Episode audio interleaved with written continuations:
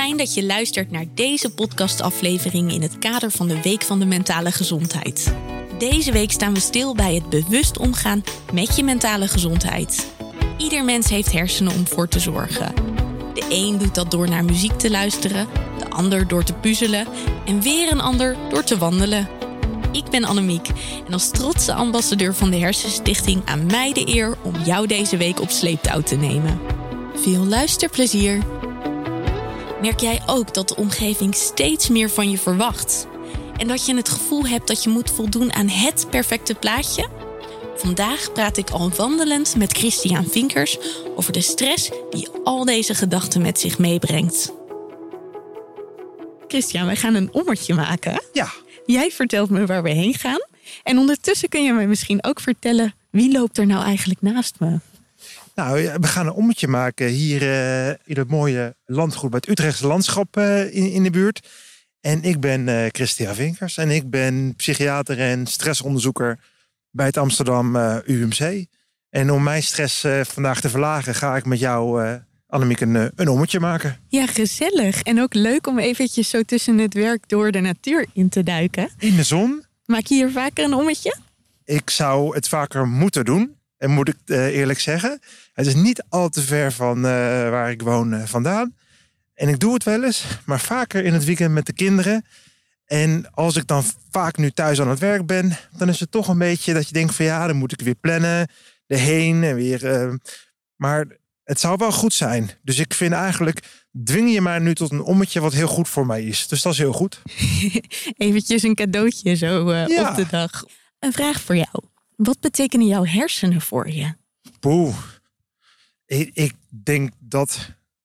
Wat een moeilijke vraag gelijk voor jou. Wat ja. betekent die? Ik heb er nooit zo over nagedacht. Jij bent er natuurlijk wel geregeld ook mee bezig. Wat, uh, nou ja, met de werking natuurlijk ook van hersenen. Ja. Maar ja, je hebt ze zelf ook. Ja, nou weet je wat het gekke is? Is dat je er zelf in je eigen leven nooit echt over nadenkt. Want je bent natuurlijk gewoon één mens. Dus je reageert ook als één mens. Het is nooit zo dat ik denk van oei, mijn hersenen reageren. Maar ik reageer. Christian reageert. En als ik wat voel, wat ervaar, dan zijn mijn hersenen daar ja, echt een, een onderdeel van. En als ik onderzoek doe, dan haal ik ze, dan, dan denk ik los ervan over na en hoe werken ze nou en uh, hoe zit stress en hoe heeft het effect op de hersenen. En dan zijn die anderhalve kilo boven je ogen super belangrijk. Want als je hersenen niet meer doen, ja, dan doet de rest van je het lichaam het ook niet meer. Maar hetzelfde geldt natuurlijk ook voor je hart. Als je hart niet meer doet, doen je hersenen het ook niet meer. Je hersenen zijn super belangrijk. En toch is het zo, dat vind ik ook zo fascinerend aan stress bijvoorbeeld, dat de mens allemaal verschillende lagen heeft die met elkaar verbonden zijn. Met name hoe je je voelt, hoe je je ervaart, hoe je hersenen werken, maar ook hoe je stresssystemen werken en ook je lichaam. Want ook je hersenen en je lichaam zijn gewoon onlosmakelijk met elkaar verbonden. En als psychiater zie ik alle facetten daarvan. En eigenlijk is het ook heel gek dat we hersenen en lichaam uit elkaar hebben getrokken. Dat we zeggen, iets is psychiatrisch of lichamelijk. Het is per definitie voor een deel ook lichamelijk. Ik kan me voorstellen dat het stress daar een heel goed voorbeeld van is. Want ik wil zo van jou horen natuurlijk wat stress nou precies is. Maar als ik aan stress denk, dan denk ik ook echt wel aan iets heel lichamelijks. Ja, heel erg. Kijk, de stress heeft hoe je je voelt voor een, heeft heel veel impact. Maar ook wat in je lichaam gebeurt als je gestrest bent. Je hartslag gaat omhoog en je, je bloed naar je wangen. Je kan een droge mond krijgen. En als je kijkt in je bloed, is je stresshormoon adrenaline omhoog, je stresshormoon cortisol omhoog. En toch kun je bepaalde ervaringen van hoe het voelt om gestrest te zijn. Als ik tegen jou zeg van wat is eh, gestrest zijn? En ik zeg ja, dan heb je een hoog cortisol. Daar snap je helemaal geen bal van. Dus uiteindelijk zijn die lichamelijke aspecten super belangrijk. En die hersenaspecten ook. Maar het is niet alles is te reduceren tot je hersenen. Dus je moet het meer zien dat het een heel belangrijk onderdeel is van het geheel. Welke kant moeten we op? We staan nou, op een tweesplitsing. We kunnen, kijk, daar, daar schijnt de zon. En laten, ja, we, laten we in de zon blijven lopen. Zolang het er nog is. Ja, precies. Dat geldt in het leven sowieso. Uh, zo goed advies. In de zon blijven lopen. Ja. Zou je kunnen zeggen dat het dus eigenlijk een soort van seintje van je hersenen is... die invloed heeft op de rest van je lichaam? Ja, ja. En, en voor een gedeelte Want je kunt namelijk signalen krijgen van buiten. Hè? Bijvoorbeeld als je je in één keer oversteekt en, eh, en er komt wat aan. Of je moet een deadline halen, of er gebeuren nare dingen. Maar je kunt ook stress krijgen van dingen die in je hersenen gebeuren. Tenminste, waar je zelf over nadenkt. Volgens mij is dat de stress die ik het meeste heb. Als je bijvoorbeeld eh, ergens over nadenkt, over de toekomst of over. In feite gebeurt er niks. Kijk, de mens is echt in die zin tamelijk uniek. Dat, eh, dat wij kunnen nadenken. Ja, wat zou er in de toekomst gebeuren als? Hè? En wat nou als? En hoe moet dan dit? En, eh, hoe Alle die- verbeeldingskracht die wij hebben. Ja, dus ik denk dat je, dat je de bronnen van stress zijn voor een deels extern, hè, om je heen wat er gebeurt. En deels maken wij die ook eh, zelf. Dat, is, dat, dat doen eh, zebra's volgens mij niet. Een hele bekende stressonderzoeker heeft een boek geschreven, Why Zebras Don't Have Ulcers. En dat gaat erom, ja, de, de zebra's hebben ook stress, maar toch op een andere manier dan mensen. Toch vooral primaire stress, zou je dat zo kunnen zeggen? Dus dat zij bijvoorbeeld een leeuw zien en eh, nou de Ja. haren gaan overeind. Ja, ja en, maar ook bijvoorbeeld eh, wel chronische stress als ze honger hebben of uitgestoten zijn. Ik denk voor een gedeelte dat dieren ook eh, verwaarlozing kunnen hebben. Als je stress onderzoekt in eh, muizen en ratten, dan heb je ook manieren om te kijken naar hoe de moeder omgaat met de kinderen en de opvoeding.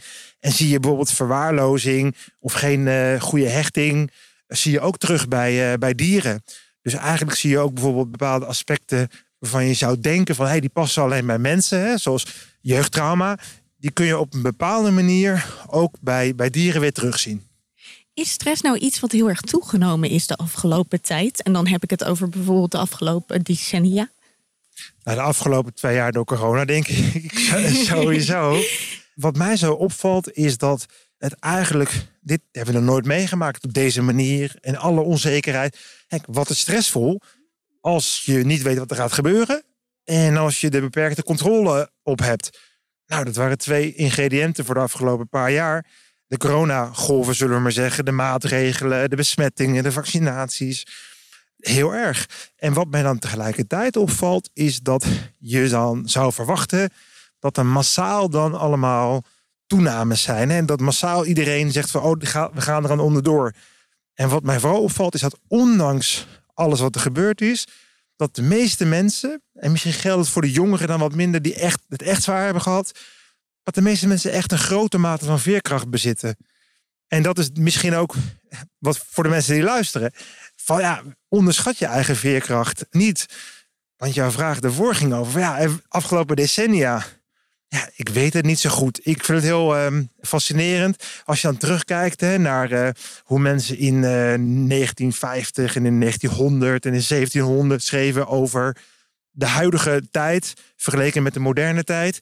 Dan zie je een heel mooi patroon waarin mensen zeggen: ja, weet je, drukker, dit is het drukste ooit. En vroeger was het zoveel relaxter. Aan de ene kant kan je zeggen van ja, als je nu gaten in de weg hebt, wat maakt het nou dat de we- wegen vroeger ook slecht waren? Weet je, dat, dat, daar moet je nu mee zien te dealen.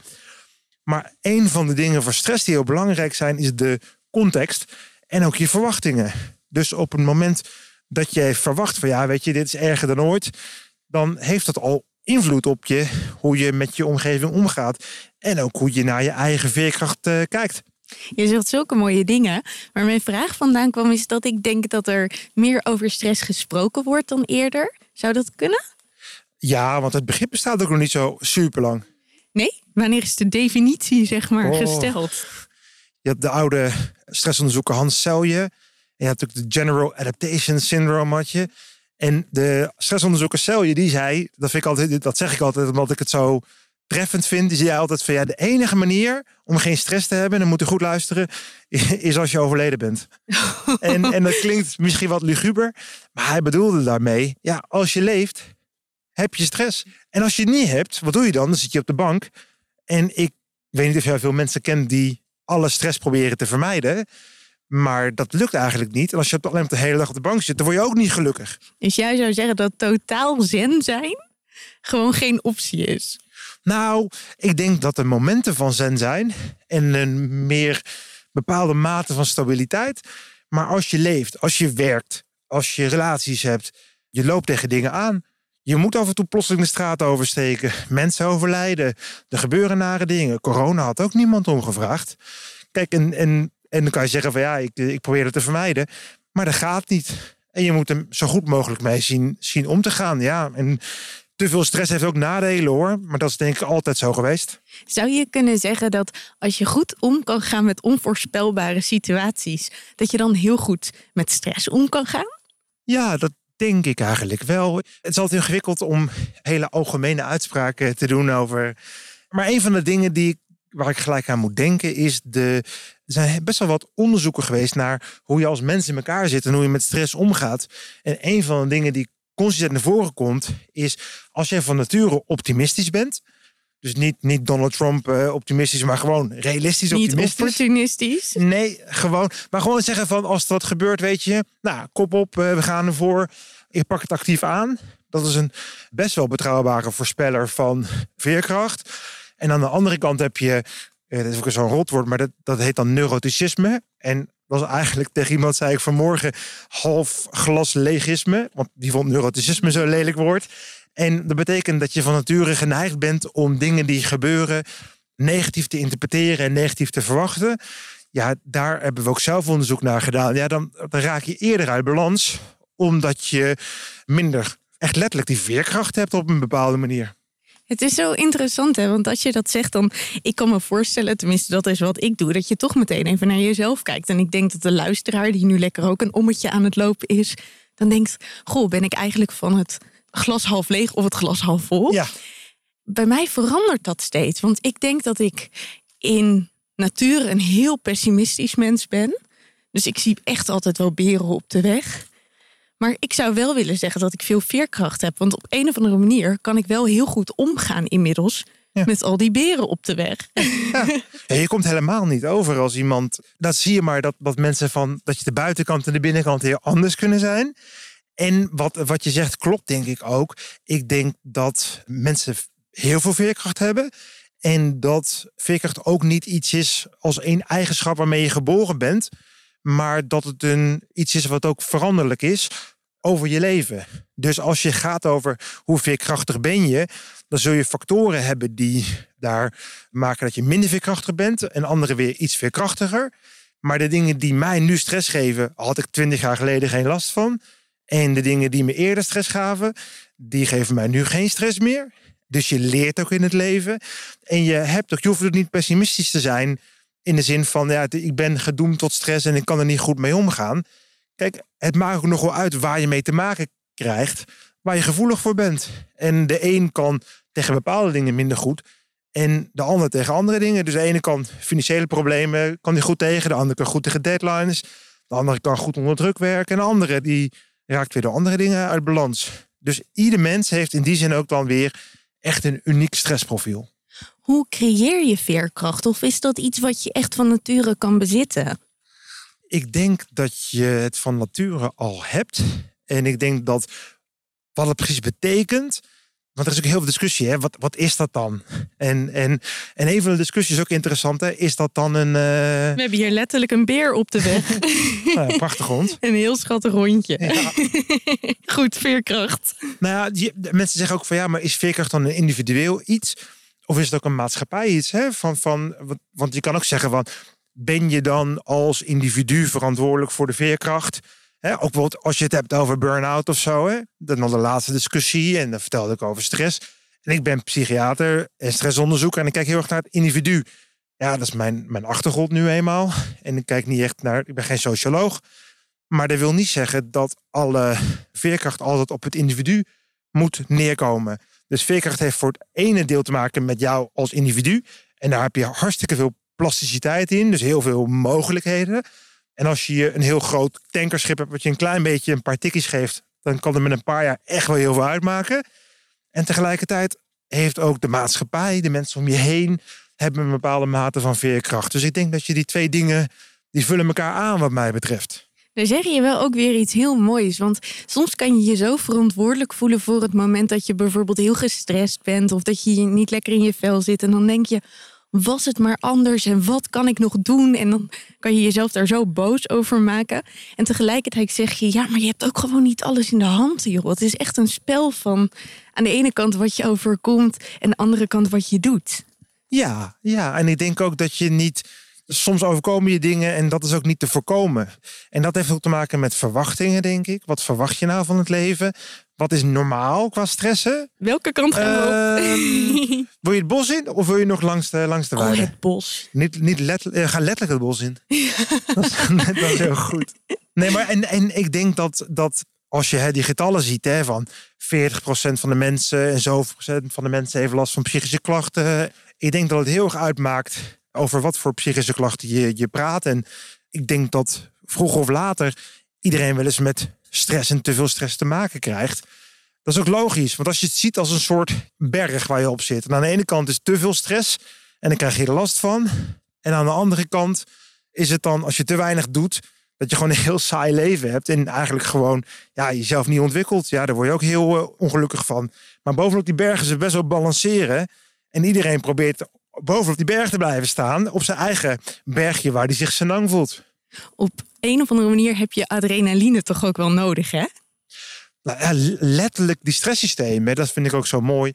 Er is bijvoorbeeld een eh, aandoening waarin de adrenaline niet goed werkt. Dan kun je letterlijk doodgaan aan stress.